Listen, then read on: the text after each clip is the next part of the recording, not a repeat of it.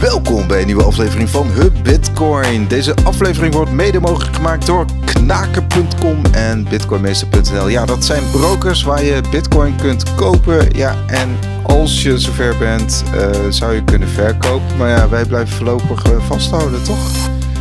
Geen is wel de bedoeling, uh, Wessel. Geen financieel advies, maar ja. Ja, wij zijn we de hodlers. Wij behoren tot die 60% denk ik. Die het, In het voor de long run. Precies. Nou ja, er is in ieder geval genoeg gebeurd weer deze week. Laten we gelijk beginnen, want uh, er was wat nieuws over uh, Satoshi. Satoshi is natuurlijk de anonieme bedenker van uh, Bitcoin. We weten nog steeds wie, niet wie het is. Man, vrouw, transseksueel. Misschien is het een groep, groep inderdaad. Ja. dus het kan van alles zijn. maar goed, de, ik even zijn naam, Sergio Dem, Demian Lerner. Hij is ook betrokken bij Rootstock. Rootstock is natuurlijk een sidechain van Bitcoin, dat terzijde. Hij doet al jarenlang onderzoek naar, uh, naar de, het mining patroon van Satoshi Nakamoto. En, nou, van, uh, van Patoshi, hè, met een P. Die naam hebben ze eraan gehangen. Precies. En ze vermoeden dat dat Satoshi is. Niemand kan dat op dit moment bewijzen. Maar we gaan er met z'n allen stiekem vanuit dat de Patoshi-blocks de blocks van Satoshi zijn. Ja, dat zijn de, de eerste 22.503 blokken. Die zouden door, uh, door Patoshi, CQ, Satoshi zijn uh, gemaaid. Dat is ook uh, gecheckt ah, het door... is ongeveer de, helft van de eerste 54.000 blokken, toch? Klopt, klopt. Ja. En toen kreeg je nog uh, 50 bitcoin per blok, dus dat, dat was lekker. bitcoin was natuurlijk wel iets minder waard, maar ja, ik bedoel, het was 50 bitcoin waard, kun je zeggen. inmiddels precies. Is... Wat zeg je? Ik zei precies, één bitcoin is één bitcoin, hè? Nog altijd. En één zat is één zat. Dat verandert ook niet. Dus. Nee. Dus, uh, dus dat. uh, maar goed, uh, Patoshi, CQ Satoshi heeft dus 1,12 miljoen bitcoin gemined. Hè, die, die, in die blocks. En hij heeft een nieuw patroon ontdekt in, de, in, de, in het minen. Betekent, hij heeft het specifiek over uh, nonsense. Ja, niet in de zin van onzin, maar nouns. Een nouns is een uh, variabele waarde die staat voor elke keer dat een miner probeert een blok te vinden. Ja, het is eigenlijk een soort op de blockchain wordt geregistreerd dat Patoshi in dit geval een poging deed om een blok te vinden. En het schijnt dat zijn nons, zijn nouns, nons moet ik zeggen, patroon dat dat afwijkt van, van andere miners uit de beginperiode. Ja, dat duidt er dan op, duidt er dan op dat hij een ander andere manier gebruikte om te minen, zeg maar. En op die manier kunnen ze die Patoshi-blokken dan ontdekken. Precies. En nou ja, goed, hij zegt ook: hè, This tendency suggests the nonce was being decremented, which is the opposite that the Satoshi client version 0.1 does. Ja, dus al die andere miners waren met die client aan het minen. En uh, ja, uh, de Patoshi mining blocks die, uh, die liet een ander patroon zien. Dat zie je ook mooi in een grafiekje. Uh, dus ze gebruikten gewoon iets meer, uh, iets meer bytes, zoals ik het, zoals ik het lees. Ja. En, ja, zo. Het komt er eigenlijk op neer dat hij steeds dichter bij de kern komt van hoe Satoshi in het begin het Bitcoin-netwerk gebruikte, slash ondersteunde, slash Bitcoin binnenharkte. Want dat is het wel, hè. Het is op dit moment 11 miljard euro ongeveer waard, die stapel Bitcoin. Ja, is niet niks. We weten niet, uh, nee, zeker niet niks. We weten natuurlijk niet uh, of de mensen achter Satoshi, of de vrouw, of de man, of de personen, of de persoon achter Satoshi nog uh, toegang heeft tot, tot die Bitcoin. Maar het is in ieder geval een flink fortuin geworden ondertussen. Ja, en die learner, die, die is een vasthoudend mannetje, want hij, hij elke om de zoveel tijd komt hij met nieuwe uh, onthullingen. Nu, zou het, nu komt hij tot de conclusie dat, uh, dat deze blokken ook uh, ja, niet door een heel netwerk van computers zijn gemined, maar door, ja, door één, één hele krachtige computer met een CPU-kaart. ja, dus dat is geen zolderkamertje of kelder vol, volgens Lenner, maar Satoshi deed het op één computer in het begin. Ja, dat, dat is dan toch ook wel weer opmerkelijk. En dat stel dat dat zou kloppen, dan zou bijvoorbeeld de verklaring van een crack ride al alweer niet, uh, niet kloppen. Want die heeft altijd beweerd dat hij uh, dat, dat, dat op verschillende computers uh, dat hij dat op verschillende computers heeft gedaan. Ja, daar hebben we ook een leuke podcast over, toch? Met Arthur van Pelt, ja. Ja, en voor zover ik weet, uh, ja, Van Pelt volgt, volgt dat nauwgezet. En volgens mij raakt Wright steeds meer ja, gevangen in zijn eigen leugens, kun je zeggen. Ja, um, voor de goede orde, Wright die claimt Satoshi te zijn. Kort precies. samengevat, hoogstwaarschijnlijk is hij dat niet. Nee, nee. En, en er is natuurlijk binnen de, binnen de Bitcoin community altijd wel iets van... Ja, wat, wat is, zou nou het effect zijn als Satoshi uh, bekend uh, zou, uh, zou worden? Hoe sta jij erin, Robin? nou, voor mij persoonlijk zou het niet zo heel veel uitmaken, want het Bitcoin-protocol is het Bitcoin-protocol. Dus wie daarachter zit, maakt eigenlijk niet meer zoveel uit voor mij. Mm -hmm. Maar als stel dat Satoshi opstaat en het is een persoon die ook daadwerkelijk weer zich mee gaat bemoeien met hoe Bitcoin ontwikkeld wordt en uh, zich weer gaat mengen in de discussies, ja, dan heeft dat natuurlijk wel grote invloed, denk ik, op de manier hoe er gepraat wordt over Bitcoin. Ja. Ja, je ziet, je ziet ook projecten hè, met een zogenaamde, ja, met één leider. Hè. Uh, we gaan er al die namen niet noemen, maar dan is er één bepaald persoon is dan de leider van dat project, blockchain project of whatever. Ja, kan ook een voetbalclub zijn, maar... Uh, en, en we zijn natuurlijk misschien wel heel erg gewend daaraan, aan dat, dat hè, er moet dan één eind, eindbaas zijn. Ja. Maar bij Bitcoin is dat niet zo. Nee, en als Satoshi terugkomt dan, of als Satoshi uh, laat blijken wie die is, of waar die uh, uithangt, of waarom die Bitcoin gemaakt heeft, et cetera, dan, uh, ja, dan heeft dat sowieso invloed op het gesprek, laat ik het zo zeggen. En dan kan ik me niet voorstellen dat er uh, geen mensen achter, zich, uh, achter Satoshi gaan scharen. Dat, geen, dat mensen niet zich achter hem gaan verzamelen. Kan haast niet anders. Ja, precies. Het, het, nou ja, goed, je zou... Ik noem wat, dat hangt misschien ook wel van de persoon af. Maar goed, daar zijn we een beetje aan het speculeren. Want het, ja... Ja, dat maakt niet uit. Maar ja, ik denk niet dat... Het, het is niet zo als, als uh, de bedenker van Bitcoin nu ineens opstaat... dat er dan in één keer van alles gaat veranderen op het netwerkniveau. Nee. Uh, maar op allerlei andere manieren denk ik wel. Al zou, vraag ik me wel af wat voor motief je nu zou hebben om dat eigenlijk publiekelijk te maken. Want ik denk dat je dan ook flink wat bezoek krijgt van ander soort niet zo'n grote fans van je. In de vorm van mensen uit de financiële wereld bijvoorbeeld. Ja, ook. ook. Of misschien uh, overheden of opsporingsdiensten ja. of uh, whatever. Nou, ik, ik, toen ik hier net een beetje in die bitcoin uh, ja, media, journalistiek een beetje begon, dacht ik ook, ja, eigenlijk de, gro de grootste scoop is natuurlijk het achterhalen van Satoshi. Maar ik moet, ja. ik moet eerlijk zeggen dat dat, dat, dat dat is ook wel bij mij persoonlijk een beetje weggezakt. Dat ik denk, ja, is, is dat nou zo belangrijk? Weet je wel? Is het, is het niet veel belangrijker om uh, ja, te rapporteren over die technologie en hoe die technologie veel meer adoptie krijgt? Ja, nou, dat is denk ik wel uh, een nuttigere tijdbesteding. Want uh, ik weet niet hoe het met jouw technische kennis zit, maar ik, ik ga toch niet achterhalen wie het is. Nee, nee, nee, maar dat zou je dan weer uit verschillende bronnen moeten vernemen. Hè? Dus, ja, precies. Ja, ik, ik uh, het is inderdaad, kijk, als jij uh, een krant hebt en jij zou uitvogelen wie Satoshi is, nou dan weet ik zeker dat hij, als dat op de voorpagina staat, dat hij uitverkoopt, laat ik het zo zeggen. Ja.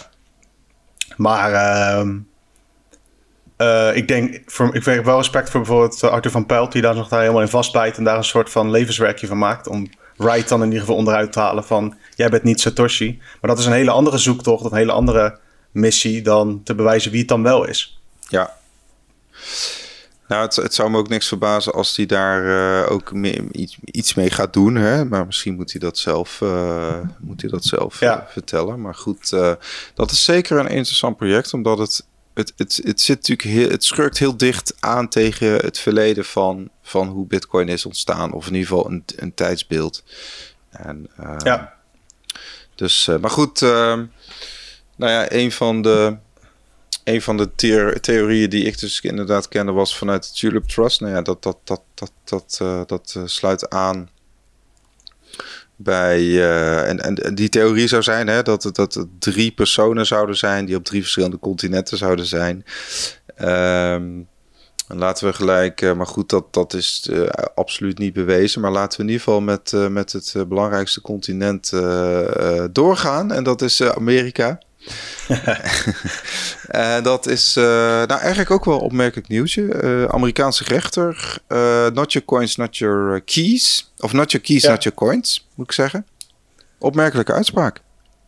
ja, het gaat om een rechtszaak in Californië. Een Amerikaan heeft Coinbase, de grootste bitcoinbeurs van Amerika, aangeklaagd.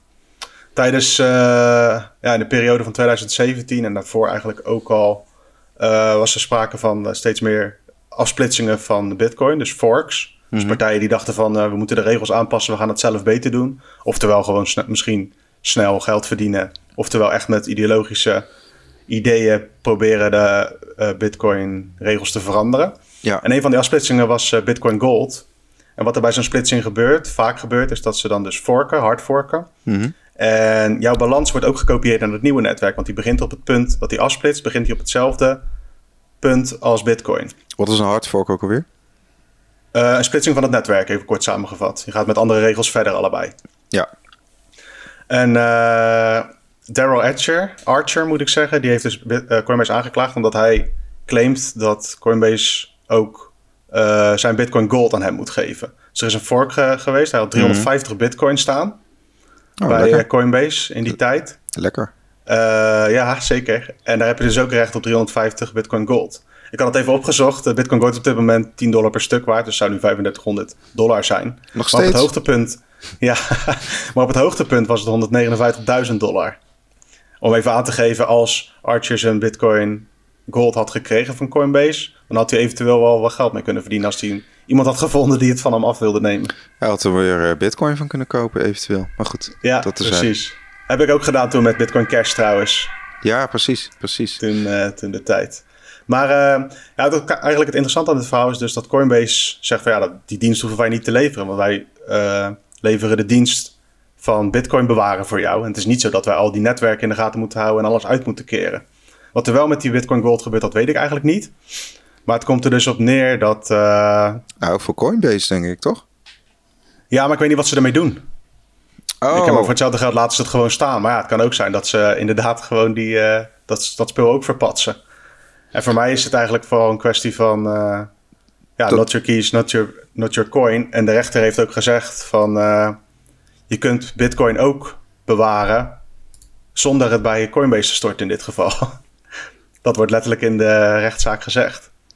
Oké. Dus Coinbase is jou niet verplicht om al die diensten te verlenen. Daar komt het op neer. Ja, precies. Je kunt het gewoon op een hardware wallet uh, zelf bewaren, wil je zeggen. Ja, of op, uh, op een uh, paper wallet gewoon je 24 woorden opschrijven. Dat goed bewaren. En dan kan je in principe overal altijd bij je bitcoin. Ja, niet in de huiskamer leggen of bovenop de open haard of zo? Nee, wel een veilig plekje zoeken en zo. maar het is eigenlijk een, weer typisch zo'n kwestie van... je kan dat natuurlijk verder trekken. Hè, van wat als jouw bitcoin gestolen wordt of zo bij Coinbase door hun fout. Het is niet zo dat zij even het netwerk op kunnen om het terug te trekken. Je bent het gewoon kwijt.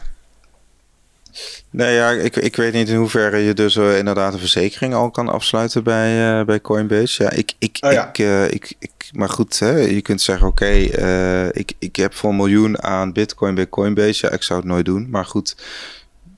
maar ik wil wel een verzekering. Mochten jullie gehackt zijn, dan wil ik een, wil ik een verzekering dat ik die 1 miljoen aan bitcoin wel terugkrijg. Ja, maar 1 miljoen aan bitcoin kan dus niet. Dan krijg je misschien dat je een verzekering hebt voor gewoon in dollars. Ja, dat bedoel ik. Dus 1, miljoen dollars aan bitcoin. Dus geen 1 miljoen bitcoin, maar... Ja. Ja, dus ongeveer... Ja, precies. Uh, ja. Ja, er dus- zal wel flinke premium op uh, gevraagd worden. Daar zou je wel flink voor moeten betalen voor zo'n verzekering. ja, ja, de, de, goed, er is nog steeds denk ik geen ideale manier om, om Bitcoin op te slaan. Iedereen, ik heb toch altijd het idee dat iedereen het een beetje op zijn eigen manier doet. En er zijn natuurlijk wel op zich wel genoeg. Er is ook genoeg info, ook op bitcoinmagazine.nl, om je, om je Bitcoin op te slaan. Ja, nou, het is ook een kwestie van keuzes. Hè? En er zijn in ieder geval keuzes. Je bent in ieder geval niet verplicht om een bankrekening te openen. En dan moet je maar de regels volgen die bij die bank horen. Je kunt het dus opslaan bij een, uh, bij een beurs als je dat wil. Je kunt het opslaan via een hardware wallet. Je kunt, een, uh, je kunt die 24 woorden of 12 woorden gewoon onthouden als je dat echt wil. Een brain wallet. Ja, kan ook. Je kunt uh, het opschrijven, je kunt het in je, in je arm zetten. Je kan er van alles mee doen als je maar zorgt dat je, als je het zelf opslaat, dat je toegang houdt tot die coins. En daar een handige manier voor vinden. En dat verschilt ook per persoon. Want als jij. Op de rug van je vriendin kan ook. Als ik 100 euro heb bijvoorbeeld uh, aan Bitcoin, dan uh, kan je dat, vind ik dat ik dat best op een, uh, op een mobiele wallet kan zetten als een soort van contant geld. Ja. Maar als het gaat over, over duizenden euro's aan Bitcoin, ja, dan moet je nadenken over andere manieren. Want een telefoon is niet helemaal waterdicht natuurlijk. Nee, precies. Nou, ik, ik, ik kan me best voorstellen dat mensen, heb ik in het begin ook gedaan hoor, dat, uh, dat mensen zeggen, nou, ik wil gewoon een deel wel op een beurs. Uh, ik kan er snel bij. Ik kan er snel mee handelen. Mocht de koers naar 3000 dollar gaan, dan kan ik het snel verkopen. Of juist niet. Of, bij, of juist bij, bijkopen. Maar hè, dan, dat, um, dat, maar goed, als je het dus voor de langere termijn echt vasthoudt, ongeacht wat de prijs doet, ja, dan, dan, dan is het denk ik wel een soort van ja, te adviseren, kun je dat zeggen, om een deel uh, offline op te slaan. Ja, dat is in ieder geval uh, wat jij doet. En het is ook wel uh, wat aan te raden is als je dus bezig bent met het langer vasthouden van Bitcoin. Kijk, als jij bezig bent met de prijsbewegingen en je wil graag snel kunnen handelen, ja, dan ben je voorlopig nog aangewezen op van die centrale beurs in principe ja, idealiter heb je ook verschillende hardware wallets. Maar goed, dat is weer echt een volgende stap. Dat je zegt, oké, we pakken een derde. We pakken drie hardware wallets. En je hakt het gewoon uh, door drieën. Hè? Maar dat ja, weet ik niet. Dan ben je ook weer verantwoordelijk voor drie keer de toegang, hè? Ja, klopt. Klopt. Je je, wel... Er zijn altijd afwegingen. Dat verschilt gewoon per persoon, per situatie. Wat je, wat je opties zijn. En ik denk dat dat juist alleen maar mooi is dat dat zo is dat je niet specifiek in een bepaalde vorm moet denken bij Bitcoin, maar dat je best wel veel verschillende opties hebt. Ja, eens. Uh, het is wel moeilijk om de juiste optie te vinden, dat wel. Want het is altijd wikken en wegen. Ja, nou, de, de, de, de, kijk met Casa en je hebt ook een aantal andere multisig uh, services en multisig wallets. Dus multisignatures. Dus dat betekent dat, dat er meerdere mensen een digitale handtekening moeten zeggen, zetten om toegang te krijgen tot je bitcoin. Uh, ja, hoeft niet per se meerdere mensen te zijn. Hè. Het, kan ook, het gaan gewoon in principe meerdere keys. En als jij al die keys hebt, maar op verschillende plekken, dan is dat ook, uh, kan dat ook oh, ja. chic. Oké, oké. Nou ja, je hebt de Lily Wallet uh, waar dat recentelijk kan. Maar goed, je hebt ook... dus ik, ik, inderdaad, je, je kunt het zo...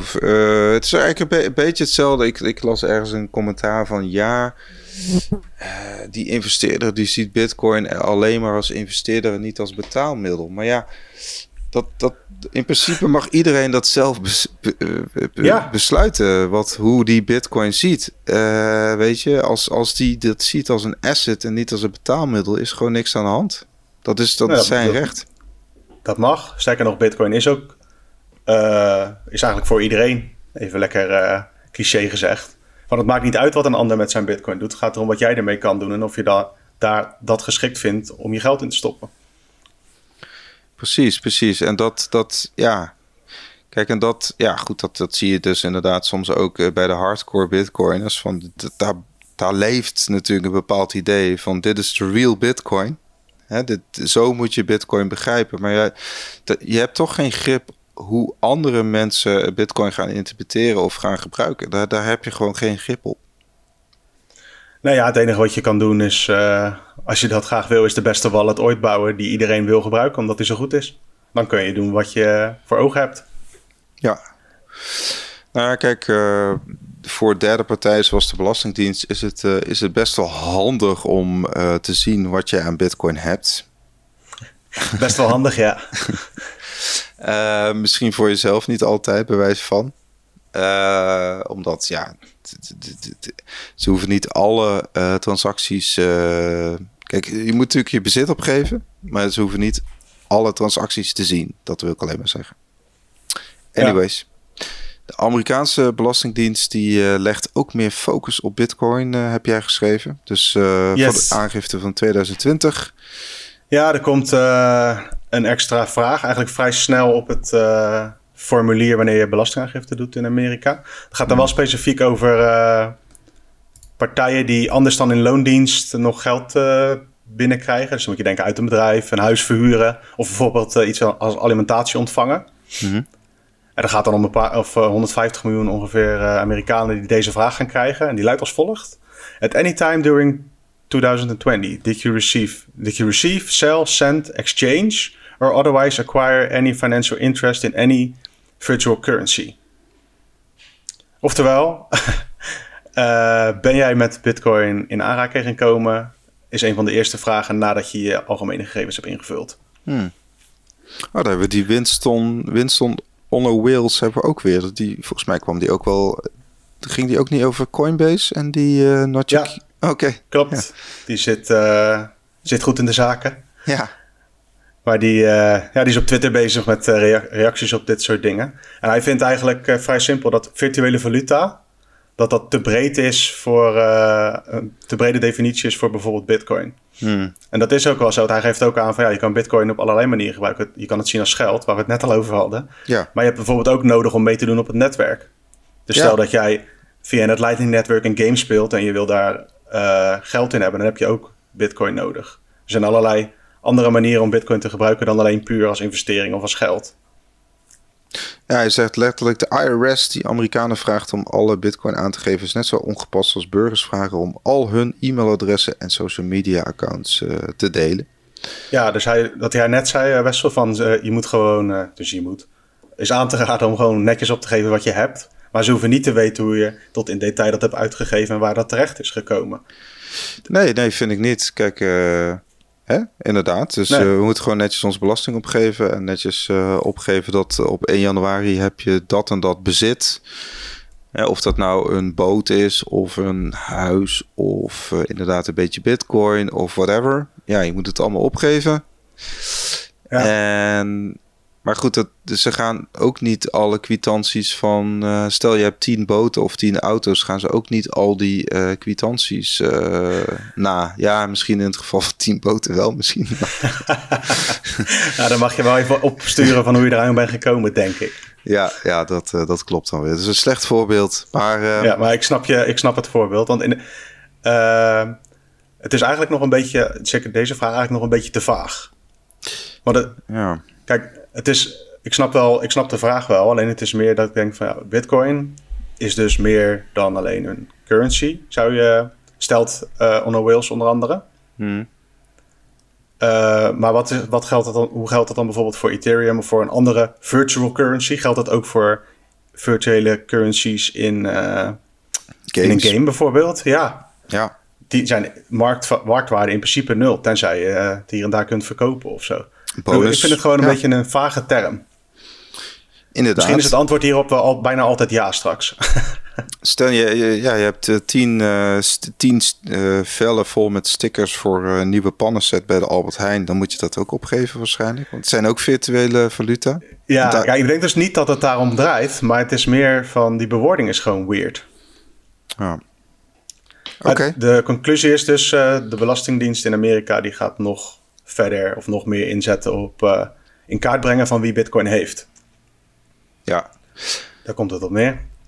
Kijk, we hebben in Nederland gewoon een cryptowet. Dat is natuurlijk vooral bedoeld voor de bedrijven. Daar hebben wij op zich als particulier helemaal niet zo heel. Ja, goed. Nou, ben ik ja. het niet mee eens. Het is natuurlijk wel, uh, wel vaker over gehad over de privacy-perikelen. En je moet je hele hebben en houden opgeven voordat je aan de slag kunt. Klopt. Maar ja. als je dat eenmaal hebt gedaan, het is in de, de, de romslomp van uh, administratie ligt inderdaad bij uh, de beurzen. Nee, en precies. andere bitcoinbedrijven. Ja, wat, wat, ik, wat, wil, wat wilde ik nou erover zeggen? Dat inderdaad de... Nou, waarschijnlijk dat... Oh ja, dat wilde ik zeggen. Dat die, die, die bedrijven zijn ook uh, verplicht om, om, om meldingen te maken. Dus op het moment dat jij voor meer dan 10.000 euro bitcoin koopt, dan kom, je, dan kom je formeel in de database terecht van de Financial Intelligence Unit. Dat is onderdeel van ja. het ministerie van Justitie. Grappenhuis. Vervolgens uh, gaat die dienst, moet al die verdachte transacties die zitten in een grote gabbelton of uh, database, die moeten ze gaan onderzoeken. En er was er onlangs in de trouw was een bericht dat, uh, dat, dat overheidsdiensten krijgen gewoon ook heel veel meldingen binnen van verdachte transacties. Maar die, okay. maar die meldingen zijn vaak uh, niet he helemaal, uh, hoe noem je dat, uh, 100% volledig of accuraat of ze zijn lastig op te volgen. Met andere woorden, ze hebben een hele bak met meldingen waar ze eigenlijk niet zo heel veel mee kunnen. Oké, en dat is van voor, de, voor die nieuwe regels? Want het lijkt mij dat de, de richtlijnen ja, daarvoor ja, nou, steeds duidelijker worden. Nou goed, dit was nog voor überhaupt ook uh, de regels die golden, hè, de, de EML ja, 4. Uh, Want inderdaad, als jij een, uh, even filosoferen daarover, als jij een Bitcoin-beurs bent en je houdt het een beetje bij, en je hebt waar ze spreken alleen een e-mail en een Bitcoin-adres, ja, daar kan een, een belastingdienst misschien niet zoveel mee doen. Maar nu is natuurlijk, heb jij al je gegevens ingeleverd, inclusief een scan van een ID of wat dan ook. En dat betekent dus dat jouw naampje, fotootje, woonplaats en alles erop en eraan eigenlijk direct gekoppeld kan worden aan het adres. En dat, dat, is een tool, dat is een toolset waar ze wel wat mee kunnen of een informatieset. Zeker, zeker, zeker. Maar dat, dat maakt het natuurlijk nog geen verdachte transactie. Want, nee, behalve dat dat wel voor hun al zo is. Nou, als je dan boven de 10.000 euro aan bitcoin zou kopen. Ja. ja. Is dat ook zo, uh, weet je dat? Of als je een auto koopt van 10.000 euro, is dat ook verdacht? Ik weet wel dat dat niet meer allemaal contant mag, dat weet ik wel. Maar... Nou, volgens mij contante betalingen uit mijn hoofd. Volgens mij ligt dat ook bij de 10.000 of 15.000 dat dat... Uh, of nee, ik bedoel girale betalingen van 10 tot 15.000... Uh, ja, oké, dus daar is dat ook al het geval. Dan komt dat ook in de grabbelton. Ja, bij gewoon bankaire transacties. Ja, dus stel dat jij uh, een, een Tesla S voor 60.000 euro afrekent. Gewoon met je bankrekening. Volgens mij wordt daar wel een registratie van gemaakt. Ja. Oké, dus dat wordt eigenlijk over één kam geschoren. Eigenlijk is dat gek, toch? Als ik er zo over nadenk. Ik snap de argumentatie vanuit de kant van de overheden wel. Van, het komt er misschien crimineel geld doorheen. Maar eigenlijk is het heel gek dat als je niks fout doet, dat je in één keer in zo'n database terecht moet komen.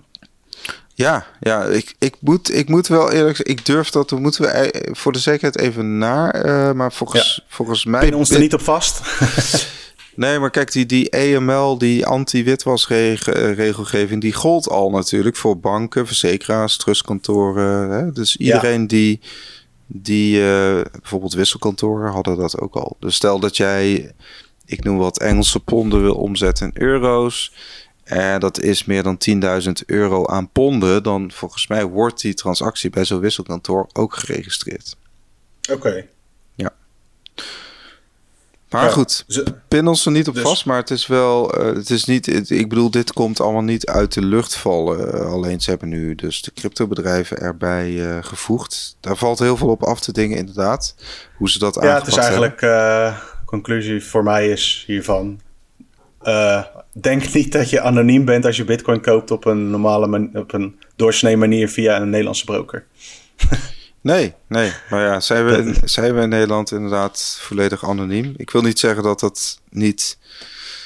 Uh... Nee, nee, nee. Sowieso niet, nee. Als je een mobieltje bij je hebt, dan niet. Nee, en dan hangen overal camera's. En, en, ja, ik heb er hier twee uh, voor mijn huis hangen. ja, ja, wel de gordijnen dicht doen dus. Ja, precies. Ja. Maar Sowieso goed. wel, dat, dat zonlicht.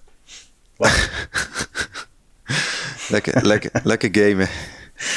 Maar um, laten we toch maar even een stapje maken naar BlockFi. BlockFi dat is een platform, uh, daar kun jij je bitcoin stallen. Dus dat wordt ook gewoon geregistreerd. Maar jij krijgt er dan rente voor terug. Dus stel uh, Robin, jij zou uh, één bitcoin hebben. En voor, voor die ene bitcoin krijg je iets van tussen de 4 en 6 procent aan, aan rente terug. Dan kun jij uh, dan, dat, dat, krijg je in dollars teruggestort. Dus stel dat jij uh, zegt van. Ik moet het anders vertellen. Je kunt dollars lenen met de bitcoin als onderpand. Of je stalt je bitcoin daar en je krijgt volgens mij rente in BTC terug.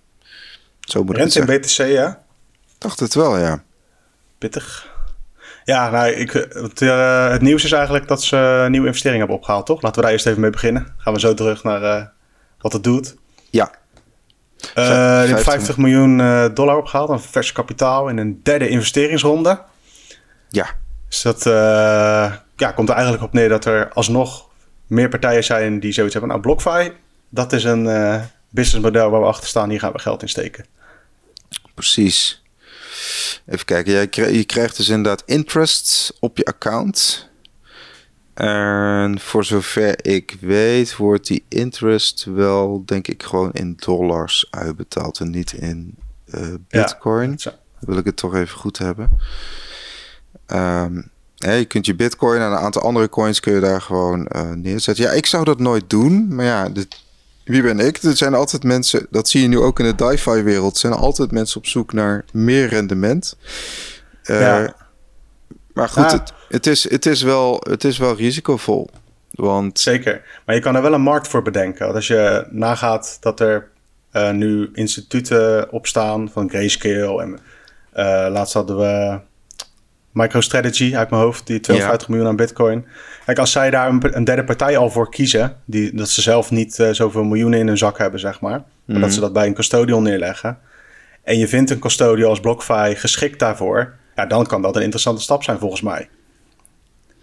Ja, ja goed. Kijk, dus, ik, uh, ik heb daar helemaal niks mee, want die, dat, die paar uh, dollars of euro's die je dan meepakt, dat weegt niet op tegen het risico dat er wat gebeurt met mijn bitcoin terwijl het bij BlockFi staat. Ja, maar goed, je hebt natuurlijk mensen die derde partijen meer vertrouwen dan zichzelf. Toch? Ja. En nou, daar, speelt, daar speelt dit op in. Buiten dan het of dat je zoiets hebt van, nou, mijn, het is het risico voor mij waard die je zelf hebt ingeschat. En ik wil graag die rente daar extra over ontvangen, zodat ik meer uh, met mijn bitcoin doe dan het alleen maar vasthouden. Ja, het appelleert natuurlijk die 60% van de bitcoin bezitters zijn hodlers, kun je zeggen. Lange termijn uh, spaarders, kun je zeggen. Hmm. Lange termijn investeerders. Kijk, er komt natuurlijk een tijd dat, dat stel dat die, die koers richting de 50.000 eh, dollar per stuk gaat. Ja, dan gaan mensen wel nadenken. Want dan willen ze ook een bitcoin terug. Want dan denken ze, ja, misschien ga ik er toch wat uh, omruilen in fiat geld. Ja, maar, en dan, uh, als er dan een leegloop komt van bitcoin, ik vraag me af hoe dat dan bij BlockFi gaat. Maar goed, dat is dan zelfs toekomstmuziek of toekomstmuziek, speculatie, wat er misschien gaat gebeuren. Voor mij is, zijn zulke dingen al te veel risico om daar mijn bitcoin in te stoppen. Ja, nou, kijk, je ziet in Amerika dat dat, dat institutionele geld en die, die, het slimme geld, moet je ook zeggen, dat komt nu een beetje op gang hè, binnen de binnen die eh, Bitcoin-industrie. Want hier de Winkelvos Capital en een aantal universiteitsfondsen, die doen ook mee in deze financieringsronde. Ja. BlockFi wordt gewoon dus op 400 miljoen dollar getaxeerd. Ook een bizar bedrag. We hebben gezien, ja. CoinMarketCap, wat was het? 200 miljoen of zo? Dat is toch ook ja, bizar? Ook, de, ook deze grote orders, ja. Twee, drie of vier, ik weet niet meer precies. Maar in ieder geval echt bizar. Honderden miljoenen, een paar honderd miljoen, zeg maar. Ja, bizar. En uh, ja, dus dat, dat, dat, dat, dat is 400 miljoen. Ik heb het even snel ingetikt. Rond de 400 miljoen. Ja, het is gewoon een website met een, uh, met, met een database die niet klopt. ja. Ja. Maar goed, uh, Binance had het er wel voor over. Uh, dat is toch een soort marketing tool of zo die ze dan gekocht hebben. Maar dat is een heel ander verhaal. Maar... Dus, dus BlockFi is even waard als CoinMarketCap. Dat, dat, dat is eigenlijk uh, compleet tegenovergestelde producten. Behalve dat ze allebei naast Bitcoin ook nog andere shit aanbieden. Is het eigenlijk compleet tegenovergesteld. Shitcoins. Allemaal shitcoins. de, of de blok wilde ik zeggen. BlockFi die levert echt een dienst. En CoinMarketCap, ja, eigenlijk ook, hè, want die verzamelen alle informatie. Ja. Als ik moest kiezen, dan zou ik eerder aandelen kopen in BlockFi dan in, uh, in CoinMarketCap, voor zover dat kan. Ja, nee, precies, precies. Al, al, als we dat zouden kunnen, uh, als we dat zouden kunnen, zou, zou ik ook wel, uh, als je nou een stukje van Bitstamp zou hebben of een stukje van Kraken of zo. Ja. Zijn er al publicly traded Bitcoin beurzen? Volgens mij niet, hè? Niet uh, individueel, nee. ja. Ik, dat, het heeft alle schijn van het uh, Coinbase dat wel gaat doen. Hè? Dat, die, die maken zich helemaal... Die zijn er wel mee bezig, ja. Ja, die maken zich helemaal op daarvoor. Die, die, willen, die willen naar de Nasdaq. Je hebt natuurlijk wel uh, Bitcoin mining bedrijven. Ja, die zijn er wel. Paar, oh, ja. Schijnt het ook wel aardig te doen, toch? Qua koers. Niet per se qua winstcijfers volgens mij, maar wel qua koers. Ja, op de duur ging het beter dan, dan de Bitcoin koers of zo. Dat. Is, ja. Maar ja, dat zal misschien ook wel gewoon... Dat is natuurlijk een periode van dat dan precies pas van een paar maanden dat het dan toevallig zo is. Ja. Eh, en dat is eigenlijk een beetje het gekke wat ik heb. Dat ik denk van ja, waarom zou ik daarin investeren als ik ook gewoon nog een paar satoshis kan kopen? Op weg naar een nieuwe bitcoin. Ja, Ja, kijk, ik, ik heb natuurlijk ook heel veel altcoins gehad en ze allemaal geliquideerd uh, in 2019. En, en nu zou je zeggen, ja, maar nu is het natuurlijk weer de alt-season bezig. Maar het, het doet me echt helemaal niks. Want het, ja, hoe zou ik het zeggen? Als je eenmaal die, die dat besluit hebt genomen voor, voor Bitcoin only, en dat gewoon ziet als jouw hedge, jouw verzekering tegen, tegen inflatie. Of een stukje, je hebt een stukje van het netwerk, toekomstige netwerk. Of gewoon als pure belegging om uh, meer, uh, meer te kunnen kopen over tien jaar. Dat kan ook. Je kan van alles ervoor bedenken. Precies. eigenlijk voor, ja, bij jou en mij zorgt eigenlijk gewoon voor rust. Dat is eigenlijk wat het is, toch? Zeker, zeker. Het zorgt voor. Je hoeft, je hoeft niet al die koersen in de gaten te houden. Uh, je hoeft er niet op te handelen. Je hoeft er. Hoeft, hoeft allemaal niet. Nee. En, en dat wil niet uh, zeggen dat dat, dat voor iedereen de manier is. Hè? Want er zijn tal van mensen die ook, ook meer bitcoin verdienen met handelen, bijvoorbeeld. Zeker. Er zijn hele goede handelaren, ook in Nederland. Uh, ik, denk, ja. ik denk, ik durf wel te stellen dat het nog steeds een heel lastig vak is. Dus dat weet ik wel zeker, ja. Dat niet iedereen kan. En, um, ik niet in ieder geval, dat weet ik wel. Wat, wat op zich wel mooi zou zijn, maar dat kan niet, omdat die, die energieprijs uh, is veel te hoog in Nederland. Maar op zich, het minen van Bitcoin, dat, lijkt, dat leek, dat, dat hadden wij gewoon veel eerder moeten zijn, Robin. Maar dat leek me dan wel, dat leek me dan wel ja. leuk. Dus ik heb ooit nog wel eens een uh, oude computer, uh, echt, ik denk dat het, toen zat ik nog op studentenkamer, 2005, nee 16 denk ik dat dat was. Had ik een oude computer staan en toen ging ik op vakantie. Ik weet niet eens meer welke shitcoin het was. En die had Ethereum. ik laten mijnen. nee, was het maar zo'n feest, dan had ik nog wel geld verdiend. Het was echt een of andere crap. Garlicoin. Uh, en uh, toen kwam ik terug en toen had ik hem gewoon heel tijd aan laten staan. En dat hele ding was helemaal heet geworden en verpest. Dus toen kon ik mijn computer weggooien. En uh, ik, denk dat dat, ik denk dat, ja, dat was een oud ding hoor, dus dat was verder niet zo. Ik wilde het gewoon een keer proberen. En toen ik terugkwam had ik iets van uh, 5 euro verdiend of zo. dat, is, dat was, voor mij was dat geen, uh, geen winstgevende zaak. Maar er zijn ook daar, ook daar, ook in Nederland zijn, ik weet niet of dat nog steeds nu zo is. Maar ook daar zijn mensen uh, gewoon winstgevend mee geweest. Je Klopt, moet maar net ja. de juiste marktomstandigheden vinden waardoor dat kan. Goedkope energie. Net die als een van de eerste die goede mining hardware krijgen. Dan zal dat ook lastig worden als je een klein, ja. kleine partij bent. Maar... Ja, je hebt van die, van die abonnementsdiensten op mining. Dus dan hoef je zelf niet de apparatuur uh, aan te schaffen. Ja. Uh, maar goed, ook in die wereld zie je heel veel oplichters. Dus wees echt uh, beducht op, op oplichting. Dat is echt ja. ook in die... Minen met je mobieltje, cloud mining of hoe het ook allemaal ja. heet. Je kan daar geen bitcoin mee. Dat bestaat niet. Dus nee, nee, nee blijf er van weg. We hadden, voor, we hadden vorige week nog iemand toch die daar ingestonken was. Die had ook iets van ruim 5000 euro verloren bij... Uh... Ja, in de Telegram chat. Ja, Uni Universal Mining of hoe heette dat? Ja, in ieder geval... Uh, als je, als je, ik heb dat ook heel voor mezelf. Van als ik uh, zulke soort vragen nog moet stellen. Van wat voor miner ik dan moet kopen. Of, dan kan ik beter maar gewoon Satoshi's kopen. Gewoon bitcoin. En dan kan je daar, daarnaast wel gaan leren. Maar als je zulke vragen nog moet stellen, dan weet je eigenlijk zeker dat je in zo'n competitieve markt niet snel uh, winst gaat maken. Nee. nee. We, hadden het, uh, ja, we hebben het dus over mining. In uh, Iran, daar sluiten, sluiten ze de deuren van 1100 illegale bitcoin mining farms. Dat zijn er nogal wat. Zo. Ja, nou, ja. daar hebben ze de regels ook uh, wat strenger gemaakt. Want daar hadden ja, ze... nou vooral uh, ook in een vormpje gegoten. Net als dat alle andere landen dat ook aan het doen zijn, ook in Nederland. Uh, er zijn nu gewoon bepaalde regels waar die bitcoin miners zich aan moeten houden. Mm. Onder andere volgens mij dat ze een x procent, aantal procent afstaan. En, wel, en ja. een, vaste energie, een vaste energieprijs en dat soort dingen. Dus je kunt daar, als je dan die belasting over je bitcoin die je gemijnd hebt meerekent en je weet de vaste energieprijs, dan kun je daar wel een relatief duidelijk businessplan voor maken. In zo'n ja. land. Kijk, het is uh, niet voor mij. ik zou niet zo snel uh, in, in Iran een uh, onderneming starten, maar. Ja, kijk, de, de, ze probeerden ook wel miners uit het buitenland uh, te, te lokken. Hè, met name dan uit China. Dus het, uh, het stroomtarief gaat uh, naar beneden. Met 47% staat hier. Volgens mij konden ze ook vrij makkelijk aankoppelen op, op het, op het energienet. Ze hadden toch ook een, een kliklijn in Iran? Ja, Ja, dit, dit was op basis van klik, kliklijnen, ja. Dit was ook op basis van kliklijnen. Dat, uh... ja, ongeveer uh, 2400 dollar krijg je eigenlijk voor een geslaagde klikactie in Iran als het gaat om bitcoin miners. Ja, dus in... ja. ja een soort corona-kliklijn of zo. ja, maar dan misschien nog iets extremer daar.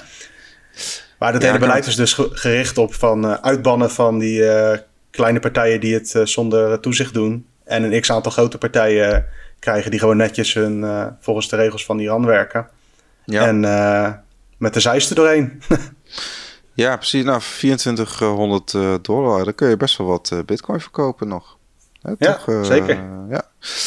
Dus, um, nou ja, goed. Ja, Iran heeft denk ik uit mijn hoofd tussen de 2 en de 5 procent van de hashpower van het Ja, netwerk. durf ik niet te zeggen. Maar het is wel dus in trek ook. Ja, lage, lage stroomkosten. Dat komt natuurlijk door toch die oliereserves, waardoor, ze, door, waardoor hun stroom uh, vrij uh, goedkoop uh, is. Ja. Um, en ja, in Nederland is die stroomprijs gewoon veel te hoog. Überhaupt in Europa. Dus, maar we hebben zeg maar omringend hè, IJsland, maar dus ook Kazachstan. Want in Kazachstan gaan ze ook een hele grote mining farm maken. Die wil maar liefst 4% van het Bitcoin netwerk naar zich toe trekken. Qua hashing power. Ja. Dat, uh, dat belooft nogal wat. Uh, dat is. Um, ja, de, de, de, ze gaan daar een uh, eh, 180 megawatt uh, centrale neerzetten. Ja, het is in Kazachstan ook zo dat daar hebben ze ook echt een extreem energieoverschot. Ja. Dus ze, ze exporteren heel veel. Dus ja, dan is een logische poging om te kijken of je met, aan de, bij bitcoin mining aan, voet aan de grond kan krijgen niet zo gek. Ja, misschien ook vanwege de coronacrisis dat bepaalde, ja, gewoon dat als de economie in het slop raakt, dan, dan ja, heb je ook gewoon stroom over. Zo werkt het ook. En dan, ja, dan kun je met die stroom kun je gewoon bitcoin gaan minen. Ja, wat ik begreep is, is Kazachstan sowieso al een exporteur van, uh, van mhm. energie. Ja. ja. en als je dat dan uh, koppelt met uh, dus goedkope stroom en relatief dicht bij China, waar al bijna alle hardware gemaakt wordt, ja, volgens mij heeft Kazachstan ook heel veel olie trouwens. Ja, dat, uh, zal, me, dat zal best, ja. Ik zit even te kijken. Ja, ik, ik, moet altijd denken aan dat, uh, aan, de, aan dat team van Kazachstan, waar Gullit volgens mij ooit nog gevoetbald heeft. Oh, maar dat, dat... ik dacht dat je moest denken aan de Tour de France met, weet je ook alweer, Vinokourov. oh, nee, dat is weer iets heel anders. ja, dat is ook Kazachstan. Klopt, klopt. Ja, Kazachstans, Kazach, de Kazach, ja was een sprintkanon, inderdaad. Um, ja, ehm, klassementrennen, toch? Maar goed, laten we dus te veel uh, off-topic. Dit is eigenlijk uh, zo'nzelfde stap als Iran. Met van duidelijke regels, een bepaalde energieprijs. Nou, die zal in Kazachstan misschien nog wel lager liggen. En uh, ga met die banaan. En ja. het, het, begint de fase te, in de fase te komen waarin als dit succesvol is voor bepaalde landen, dat je misschien wel niet achter kan blijven in andere gebieden als land. Ja, misschien ook wel een leuke read. Misschien kunnen we die wel even in de, in de dingen zetten. In de omschrijving. In de omschrijving, inderdaad. Uh, dat was van Jameson Lob. Dat ging inderdaad volgens mij. Hij had iets geschreven over. Um, van ja, is het nou. Is het nou gewoon. Uh, hoe noem je dat? Is er nou een probleem dat, dat, dat, dat er zoveel uit China komt qua, qua uh, hashing power? Weet je wel, dat, dat, dat blijft mhm. soms nog een, uh, een vraag bij mensen. En James Lop heeft dat. Uh, en uh, niet te veel te spoileren, maar. Wat is de, was de conclusie? Nou, dat dat niet zo is. ja. are, are, are, Chinese miners a threat to Bitcoin? The concentration of hash power uh, within the borders of uh, China. Is dat nou een ja. zorg? Nou, laten we die eronder zetten. Dat vind ik wel, die heb ik ook nog niet gelezen. Dus die ga ik dan zo meteen na de uitzending even even doornemen. Ja, nou ja, voor, volgens vooral... hem is het een hele logische ontwikkeling, omdat heel veel van die apparatuur en die chips, die komen er ook vandaan. Ja, en ze hebben daar natuurlijk gigantische uh, gebieden waar bijna niemand woont en waar wel energie opgewekt kan worden. Ja, ja. Dus, nee, uh, precies. Dus nou ja, goed. Uh, dit, dit, en hij acht ook uh, het wereldaandeel ongeveer op 50%. Soms zeggen ze 65%, maar goed, het, het, de hashing power uit China is ongeveer 50, 50%. Ja, ja we, hebben het, we hebben in het verleden al gezien dat je met hashing power niet per se bepaalde regels op het protocol erdoor kunt drukken. Omdat er ook nog zoiets is als, of zijn als nodes. Gewoon full nodes die ook, er ook hun eigen regels kunnen bepalen. En als zij het er niet mee eens zijn, dan moeten miners op een gegeven moment gewoon volgen, even kort samengevat. Dus het is, in dat opzicht is het niet zo'n groot gevaar. Maar kijk, als alle bitcoin in China terecht zou komen, dan hebben zij wel een flinke stapel met geld. Maar goed, dat is gewoon de, dat is de game.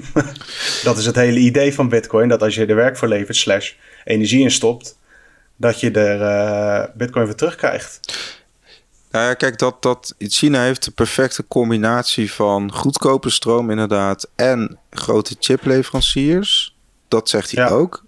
En eigenlijk is China een van de weinige landen die dus die combinatie heeft van infrastructuur en goedkope energie. Dus het, ja, dat, dat kan in Europa bijvoorbeeld niet. In Amerika wel, bepaalde, landen, eh, bepaalde staten in Amerika kan het nog wel. Canada ook wel, maar... Ja, maar we hebben allemaal, wereldwijd hebben we al onze productie uh, naar China gebracht of landen daaromheen. Van hmm. dit soort dingen. Dus het is...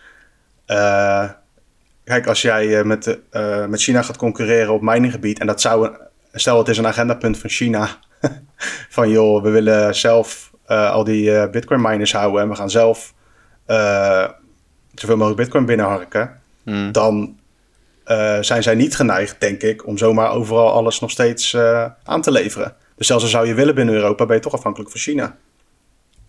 Zeker. En dan is even het scenario dat het dus echt een agendapunt wordt op, op politieke schaal, ook bij China en zo. Volgens mij is dat niet echt aan de orde. Want ik kan me niet voorstellen dat zo'n regime staat te springen om vrij geld.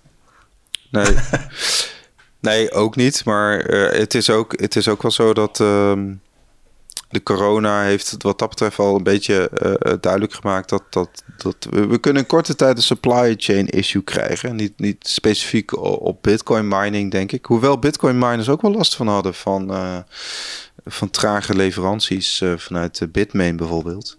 Ja, en die overstromingen in China waren ook een hele hoop, althans een hele hoop. Las ik ook over dat er Bitcoin mining farms getroffen waren. Ja, ja maar te, tegelijkertijd las ik vandaag dat de difficulty rate weer, weer is gestegen. Dus ja, is oftewel, of de hash rate denk ik, of niet? Of was het weer de difficulty? Difficulty. Oké. Ja, ja nou, dat, dat, dat, dus, ja, dat is natuurlijk wel een gemiddelde. Ik weet niet precies wanneer de overstromingen waren want het is natuurlijk gemiddelde van de afgelopen eh, twee weken. Ja, nou ja, dus het kan zijn dat die na weer... Ja, uh, ja. ja het, het, wat dat betreft staat het er goed voor natuurlijk. Ja, ja plus 3,6% er weer bij. Laten we afsluiten met een, een luchtig nieuwtje. Dat gaat over Lightning. om specifiek te zijn, de Bitcoin Lightning Network app Strike uh, daar kun je ook cashbacks op ontvangen. Dat is voor, voorlopig alleen maar voorbehouden aan volgens mij Amerikaanse klanten. Yep. Je kunt de app wel downloaden, Strike, op iOS Play Store. Maar ja, je hebt een Amerikaanse bankrekening nodig en ook een Amerikaans telefoonnummer. Nou goed, ja. dat, dat, dat, dat, hebben we allemaal niet. Dus dat, maar goed, die Jack Mellers, dat is wel een talent hoor. Dus wat hij samen met zijn team overigens, die overal in heel de wereld zit, uh, voor elkaar box. Dat, ja, is toch best opmerkelijk. Ja, wat Strike is een, een app waarmee je gewoon met dollars kunt betalen via het Lightning Network, toch? Precies, precies. Ja, dus dat is even voor de goede orde. Dat is dus, je stopt je dirty dollars op het Lightning Network. En dat gaat razendsnel naar degene die waar het naartoe moet. Ja, het is eigenlijk volgens mij meer een alternatief voor SEPA en Shift. Hè? Dus, ja, uh, ja maar de toepassingen die je daarbij kan bedenken zijn natuurlijk wel. Want als dat direct werkt, dan kan je dus ook in theorie, als daar, daar platformen gebouwd worden, direct Bitcoin kopen via het Lightning Network met je fiat geld. Ja. Zonder uh, gezeur. Nee, zeker. Nou, ik, volgens mij bouwt hij ook al infrastructuur voor, voor flitshandelaren in, uh, in Amerika. Ja. Uh, Mellers is echt een naam in de financiële wereld. Want zijn vader en ook zijn opa die stonden aan de wieg van futurebeurzen zoals CME en CBOE in Chicago. Ah, ja. hij heeft het goed bekeken, die jongen.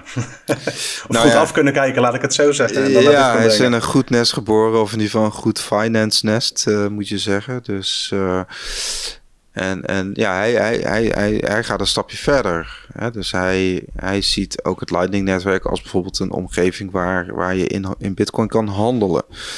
Ja. En, en, en, en uh, snelle transacties kan doen. Ja, dus ook een omgeving waar uiteindelijk exchanges naartoe gaan, zoals Bit, Bitfinex, die ook een node heeft.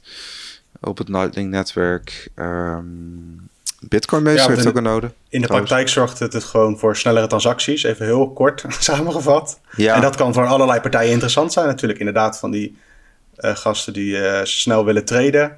Maar dus ook beurzen die... Uh, want na snelheid is het ook nog goedkoper dan een normale Bitcoin transactie. Dus voor beurzen die kosten willen besparen. Voor beurzen die onderling willen handelen. Kan het allemaal... Een, of onderling geld moeten sturen. Kan het allemaal een optie zijn. Dan denk ik niet dat ze daar ZEP voor gaan gebruiken. Strike moet ik zeggen. Nee. Maar voor de particulieren kan het een interessante manier zijn om te interacten met dat soort netwerken, zeg maar. Met dat soort. Ja, en ook, ook, ook bij games of zo. Dat je, dat je zegt, nou ja, die game, uh, daar gooi je wat dollars in en, en, en uh, je maakt gebruik van het Lightning-netwerk. Ja, zou ja dat is allemaal toekomstmuziek, maar het is leuk om over te filosoferen, vind ik altijd.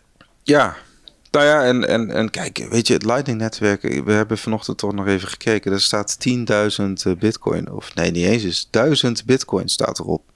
Dus dat, is, dat, is, dat is iets meer dan 12 miljoen uh, dollar. Dat, in, dat... Uh, in open kanalen. Je kunt ook uh, kanalen afsluiten dat, dat jij en ik dat niet kunnen zien. Ja. Maar ik ga er niet vanuit dat dat in één keer tien keer zo hoog is. Dus...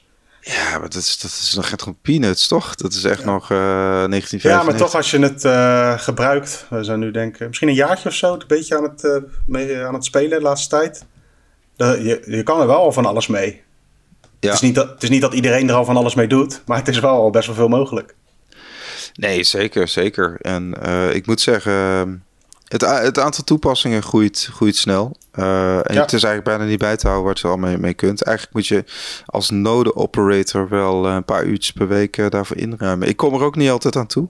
Maar je moet het eigenlijk wel doen om bepaalde updates door te voeren. Of misschien bepaalde toepassingen weer even te installeren. Nou goed, ik zit op MyNode. Ja. en, en dan kun je ook verschillende diensten daaraan koppelen. Maar goed, dat, dat, in principe, als, als, als de node staat, dan, dan is het een kwestie van een aantal kanalen openen. En natuurlijk, uh, je kunt er zoveel in pompen als je wil. Je kunt uh, bewijzen van, ja. Maar ik heb ook niet zo heel veel zin om daar uh, gelijk honderden euro's nou, in te steken.